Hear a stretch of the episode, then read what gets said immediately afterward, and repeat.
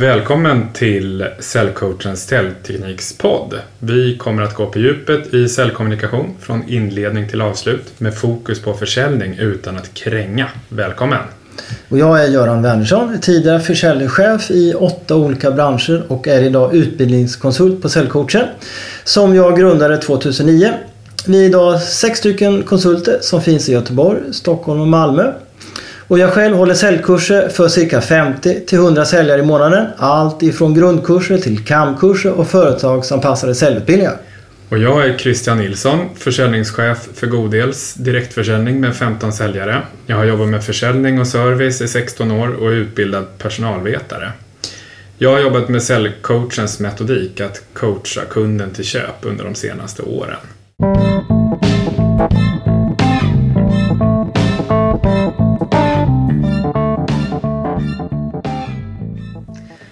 Den här podden ska handla om hur du blir omtyckt som person bland dina vänner och när du träffar nya bekanta. Men även hur du blir omtyckt av dina kollegor och hur du kan öka din försäljning. För vi är ju faktiskt samma människor, både på jobbet och hemma, som säljare och privatperson då. Och det här ämnet tycker vi är väldigt intressant och dessutom grunden i hela vår försäljningsmetodik. Och vi rekommenderar er att lyssna noga. Det största felet alla kategorier är att vi säljare pratar för mycket. Vi tar centrum från kunderna, både vid personliga möten och när vi säljer via telefon, speciellt vid inkommande säljsamtal. Och som säljare sätter vi oftast våra produkter och tjänster och vårt företag i centrum istället för att fokusera på kunden. Då gärna i början utav kundmötet.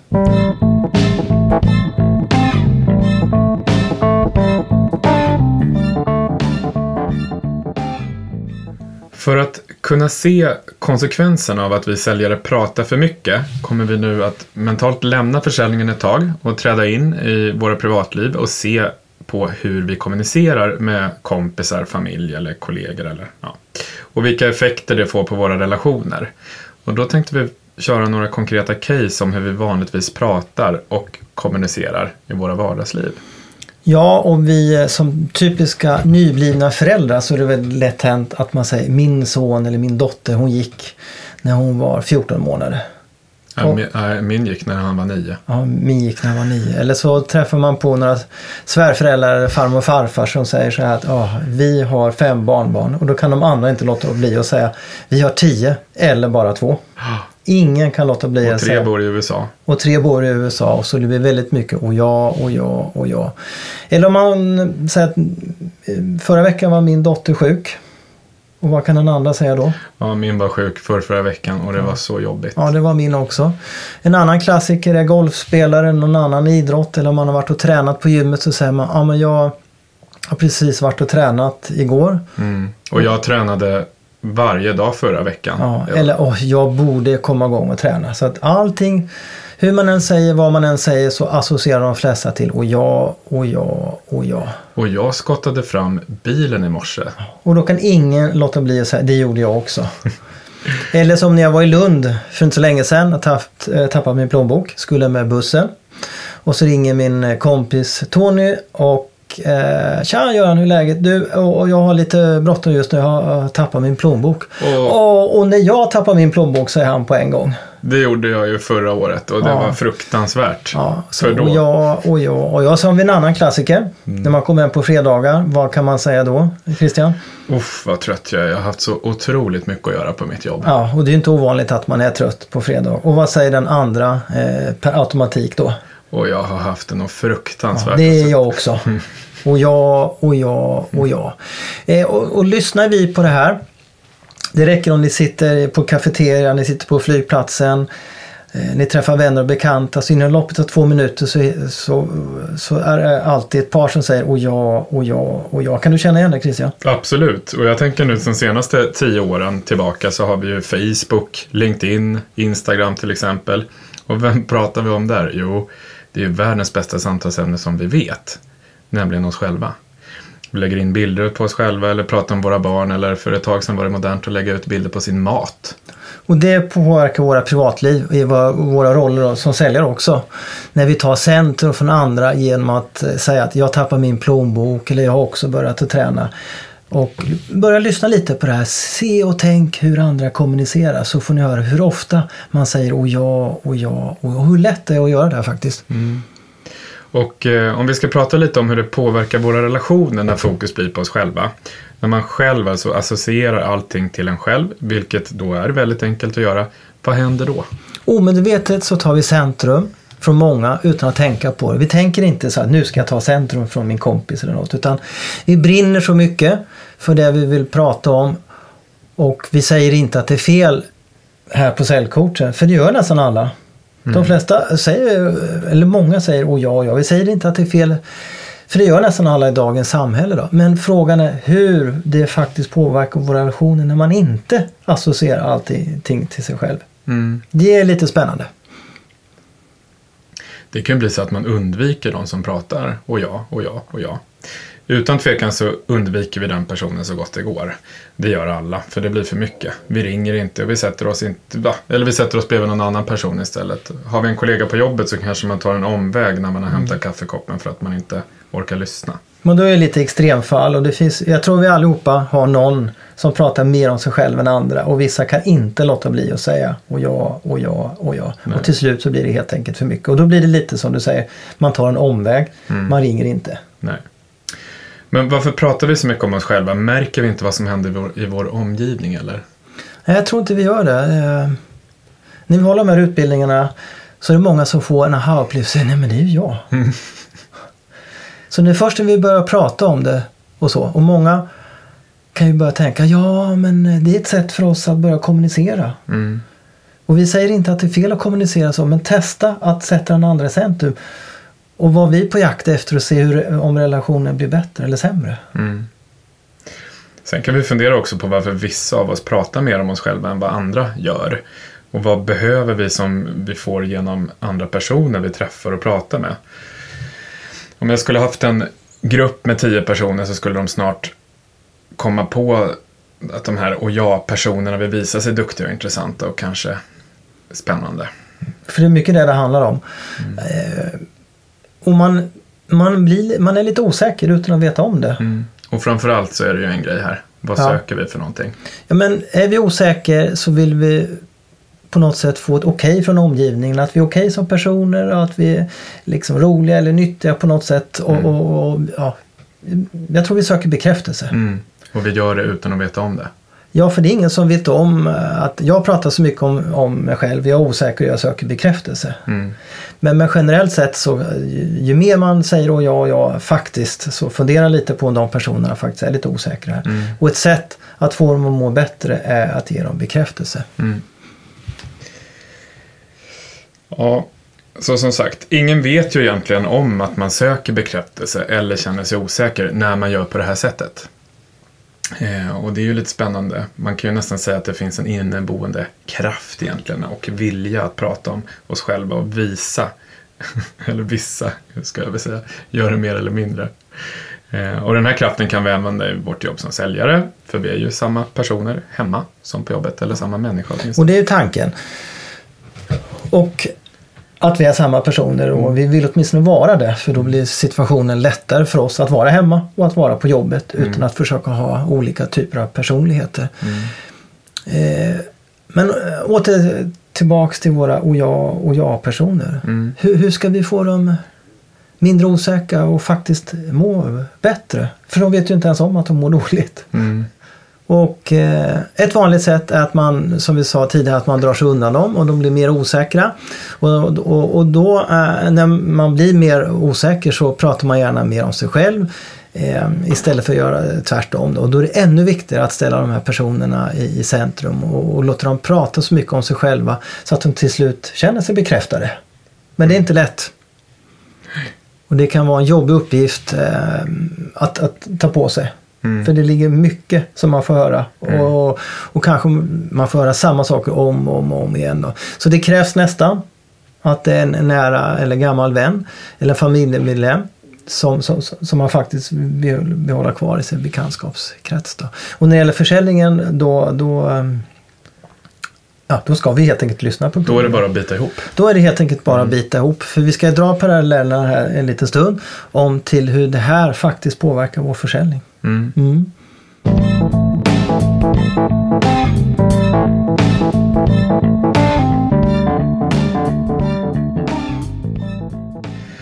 Ja, att sätta någon i centrum, oavsett om det är i privatlivet eller i arbetslivet eller säljlivet, gör vi genom att ställa frågor. Och frågor som gör att den vi pratar med känner sig bekräftad. Och genom att inte prata om oss själva fast vår dotter också har varit sjuk eller fast vi också har tappat vår plånbok. Så nyckeln till att ställa kunden i centrum är då just via frågor. Eh, men frågor som vi som säljare har nytta av, såklart. När det gäller våra privatliv kan man såklart, eller gott, ställa frågor som man inte är intresserad av för att skapa en bra relation. Men i affärslivet har vi inte tid med det och det uppfattas inte alltid seriöst heller. Därför ska vi ställa frågor till kunden som handlar om dem och deras behov. Och jag tänker ändå att vi ska ha exempel både från privatlivet och från arbetslivet i hur vi menar här. Så kan inte du ge något exempel från privatlivet? Göran? Ja, en klassiker är om ni har varit på något bröllop någon gång eller mm. på någon stor bemärkelsefest, 70-årsparty eller 50-årsparty eller 30-årsfest. Mm. Och så ska ni få den personen som sitter bredvid och tycka om er. Mm. Eh, av olika orsaker. Och då när vi har säljutbildningen brukar jag fråga, vem ska man inte prata om i fyra timmar? Vem ska man inte prata om Christian i fyra timmar? Ja, det är ju Göran då. Ja, man ska inte prata om sig själv utan mm. vi ska prata om den andra. Och efter två timmar eh, kan den andra personen säga, åh här sitter jag och bara pratar om mig själv men eh, Göran, jag vet ju inte, var kommer du ifrån någonstans? Ja, då, säger, då kommer jag ju då från Åtvidaberg och då säger men jag kommer från Åtvidaberg och då säger han, åh, där växte min mormor upp och där var jag som liten. Ja. Och sen kör hon på i två timmar till och berättar om Åtvidaberg och dess omgivning. Och på kvällen hon kom hem och så berättar hon för, för sin man, åh vilken trevlig fest eh, jag var på eller vi var på vilken trevlig kille jag satt bredvid. Då. Och så frågar han, vem var han, var kom han ifrån? Hon kommer inte ihåg vad han hette eller var man kom ifrån men det var jättetrevligt. Hon mm. vet faktiskt inte heller om varför det var trevligt. Nej. Nej. Och varför det var trevligt var för att hon fick prata om världens bästa samtalsämne som man aldrig slutar att och, och, och prata om, nämligen om sig själv. Mm. Och jag var ju jätteduktig såklart. Mm. Att få henne att och vara i centrum hela tiden med olika typer av frågor. Ja. ja. Och din fru blev superstolt över dig att hon hade en sån himla trevlig man. Ja, och det var lite viktigt att hon skulle tycka om mig just ja. vid det här tillfället. Ja. Så, så, eh, då fick man anstränga sig lite grann, även om det kanske inte var jättekul. Ja. Nej. Och om vi tänker att vi ska kunna använda det här i jobbet också då. Så skulle det kunna vara att vi är på ett affärsmingel eller ska försöka nätverka. Det är ju precis samma sak här. Att inte vara den här extroverta personen som syns och hörs och går in och ska eh, vara Allan Ballan. Ja, och den som pratar mest och hörs mest. Utan hur, hur, hur gör vi istället? Och då minglar vi runt och ställer frågor om de vi pratar med. Mm, mm. Kort och gott. Och ett väldigt enkelt sätt är att få, eh, i alla fall på en sån här mingelsak, att få dem att berätta om sitt jobb och sin bakgrund och vad de har jobbat med tidigare och så vidare. Mm. Så det är ett mingelsammanhang. Och om vi då går över till hur vi faktiskt kan använda den här synsättet på ett kundmöte. Att alla människor faktiskt vill prata om sig själva men inte riktigt vet om det. Mm. Det finns ju en inneboende kraft att vilja prata om sig själv. Mm. Att vi bekräftar. Så, hur, så när vi kommer till ett möte, vi har bokat ett möte, vi sätter oss ner, vi har pratat lite om detta tidigare. Då använder vi intervjufrågor som ett sätt att ställa kunden i centrum. Exakt, och det är då vi börjar med det vi har pratat om i tidigare avsnitt. Eh, vi frågar vad kunden har för förväntningar på mötet till exempel. Och när vi frågar det så sätter vi dem i centrum och de får dessutom styra vad vi ska prata om och vilken ordning. Mm. Och det är en otrolig bekräftelse. Mm. Så inom loppet av, eh, om vi nu börjar med att ställa den frågan så blir man bekräftad och man får styra och ställa. Man känner sig delaktig på en gång så kommer man känna att det här är ett bra och trevligt möte helt enkelt. Mm. Sen är det väldigt spännande med den frågan för att man får en ganska klar bild av hur intresserad kunden är också. Ja men det får man ju och, och, har de, och svaren är ju jätteintressanta för att veta hur vi ska gå vidare. Mm. För att anpassa vår presentation, hur vi anpassar våra säljargument och även avsluten. Och har de mycket förväntningar, ja men då kanske få ett längre och bättre möte. Och om de har lite förväntningar Ja, då blir det ett sämre möte. Ja, det kan bli ett sämre möte eller så måste vi då spesa upp Ja. Ändå och hjälpa dem lite på traven Mm. och fråga vad de faktiskt är intresserade av då. Mm. Men många gånger kan jag också uppleva att det blir faktiskt ett, ett sämre möte. Mm. Och då måste man försöka svänga om det och göra det extra intressant. Om man läser att man inte är så, har så höga förväntningar. Mm. Om kunden tidigt börjar prata om sin senaste golfrunda, hur gör vi då? Ja men då stannar vi kvar där, ställer två, tre frågor. Men inte för länge. Nej. Nej, för ingen har nytta av att prata golf i en halvtimme och sen tog mötet slut på en gång egentligen. Men två, tre frågor och absolut inte prata om att man själv spelar golf då. För då eh, slutar det bara golfprat. Mm. Mm. Och, och, och det här kan ju egentligen styra hela mötet eh, och, och som vi sa tidigare då, då blir det att kunden styr. Vilket gör att vi får på en gång ett mycket, mycket bättre möte än om vi bestämmer och ställer oss själva i centrum. Så det är den stora skillnaden. Jättestor skillnad, förutom att vi har nytta av svaren. Och sen kommer vi in på den andra eh, del nummer två egentligen, att ställa kunden i centrum som de bara älskar att svara på, kunderna, fast de inte vet om det. Och det är ju då med kunskap och erfarenheter. Ja. Och Christian, var, varför, hur kommer det sig att man vill eh, svara på kunskap och erfarenhetsfrågor? För att man vill ha bekräftelse och Ja. visa hur duktig man är. Ja, kanske inte att man vill ha bekräftelse för det vet man ju inte riktigt om men det är ju väldigt sällan man faktiskt får prata om sitt jobb Mm. med kanske någon som verkligen förstår vad man gör. Mm. Och det är en viktig sak. Och man får otroligt mycket svar. Och det är lite det här avsnittet handlar om. Att ställa den andra i centrum. För vi får så mycket svar. Och vi kan ställa så otroligt mycket fler frågor än vad vi faktiskt tror att vi kan göra. Mm. För det finns en sån inneboende kraft att prata om oss själva. Och det är väldigt sällan man faktiskt får göra det. Utan att man blir avbruten och, och någon säger och ja, och ja, och ja. Ja, den här frågan kan ju faktiskt förändra och förbättra förmodligen alla typer av möten. Och eh, vi skulle vilja att ni testar och provar. Jag testar att prova, eh, plocka fram eh, micken, eh, känn er som journalister, ställ frågor. Tänk som säljare att nu ska jag hit på det här mötet och ställa frågor. Frågor, frågor, frågor innan ni gör er presentation för att kunna göra den bättre och, och anpassa säljargumenten och göra flera avslut. Mm. Men sen är det ju så också att innan vi gör vår presentation så är det också viktigt att ta reda på kundens kunskap och erfarenhet av våra produkter och tjänster som vi ska sälja så att vi kan anpassa efter deras nivå. Och det har vi också pratat om tidigare i tidigare avsnitt. Annars är ju risken stor att presentationen blir för avancerad eller för tråkig. Och det handlar alltså om den person som sitter framför oss, inte deras företag och det är stor skillnad. Ja, och det är ganska lätt hänt att man bara frågar om företagets intresse och behov. Utan det är personen framför oss, ingen annan. För det är den personen som ska lyssna på vad vi säger. Och det är, tror jag inte många av oss säljare som har gjort innan man har gått den här kursen, att Nej. coacha kunden till köp. Nej. Och här har vi otroligt stor nytta av att veta att alla människor gillar att prata om sig själva. För det är sällan man får det eh, utan att någon säger och ja, och ja, och ja. Ja, men precis så är det väldigt vanligt. Frågor man skulle kunna ställa är ju till exempel vad kunden har för arbetsuppgifter på nuvarande bolag. Var de har jobbat tidigare och vilka arbetsuppgifter de har haft. Vad de har för utmaningar i sitt jobb.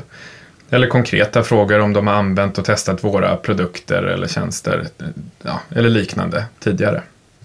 Och vid ett personligt möte så kan man utan tvekan ställa allt ifrån 8 till 14 frågor utan att någon tar illa vid sig. Snarare tvärtom.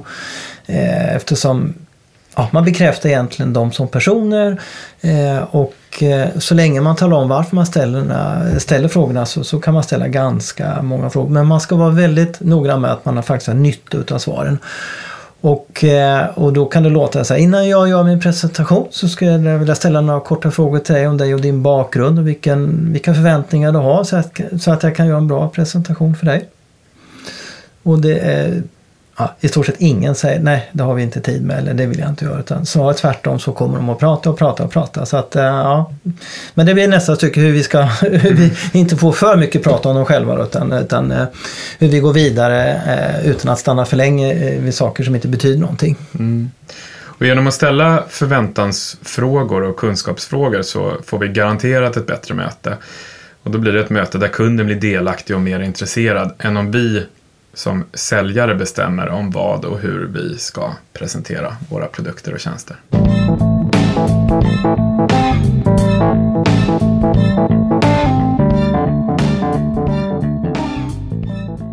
Sammanfattningsvis så vill vi ge er tre tips. Det första tipset är att i och med att det finns en inneboende kraft att vilja prata om oss själva så har vi otroligt stor nytta av och ganska enkelt få svar ifrån den personen vi träffar. Och det handlar om att ställa intervjufrågor i form av förväntningar. Man kunde ha förväntningar på mötet. Vilken kunskap och erfarenhet kunden har. Och för att vi inte vi ska glömma bort de här frågorna så ger vi samma tips som vi gjorde i intervjupoddsavsnittet. Eh, Skriv ner de här frågorna och tala om varför ni ställer frågorna. Så det var i stort sett ja, 3 till 4 tips mm. hur ni ska få bättre möten med kunden mer delaktig. Mm. Ja, tack för den här gången så ut och testa och försök att låta bli att säga och ja och ja och ja i era privatliv. Så kommer ni per automatik bli både bättre säljare och mer omtyckta av både familj, vänner, kollegor och kunder. Så är det. Tack för den här gången. Hej då. Hej.